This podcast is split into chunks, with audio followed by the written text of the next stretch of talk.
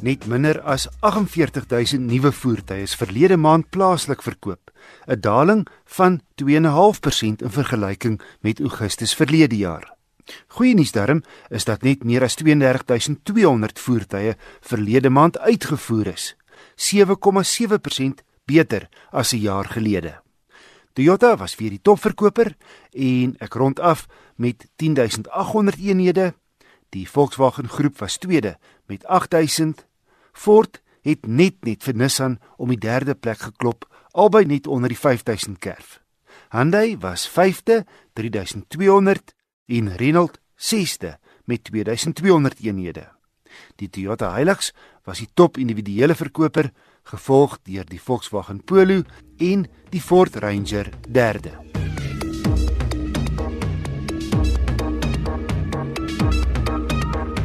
Hierdie week 51 jaar gelede het Swede oornag oorgeskakel van aan die linkerkant van die patry na die regterkant.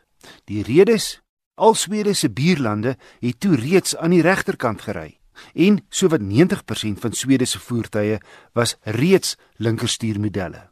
'n Jaar later het 'n ander Noordiese land, IJsland, Swede se voorbeeld gevolg.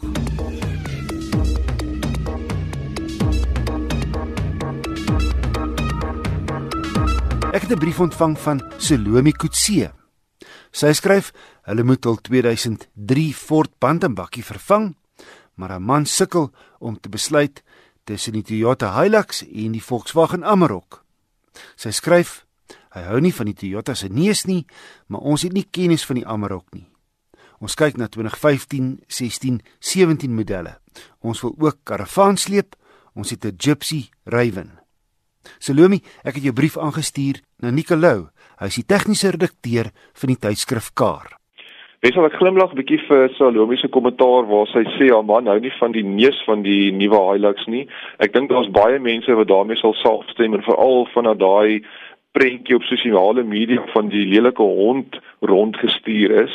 Maar die goeie nuus is die nuwe Hilux is nou net bekend gestel of die nuwe Hilux neus is nou net bekend gestel. Dieselfde neus wat op die Dakar Hilux kom, so ten minste die nuwe Hilux se gaan nou baie mooier vertoon. Maar as ons kyk na die vraag Hilux teenoor Amarok, wat sal die beste een wees om te koop?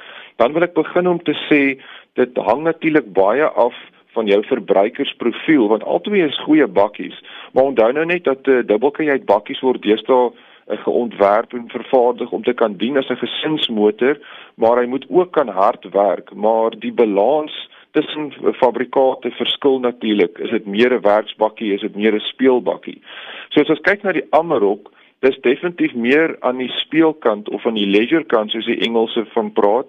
Ehm um, so dit is definitief 'n gemakliker bakkie om te ry, voel meer soos 'n kar.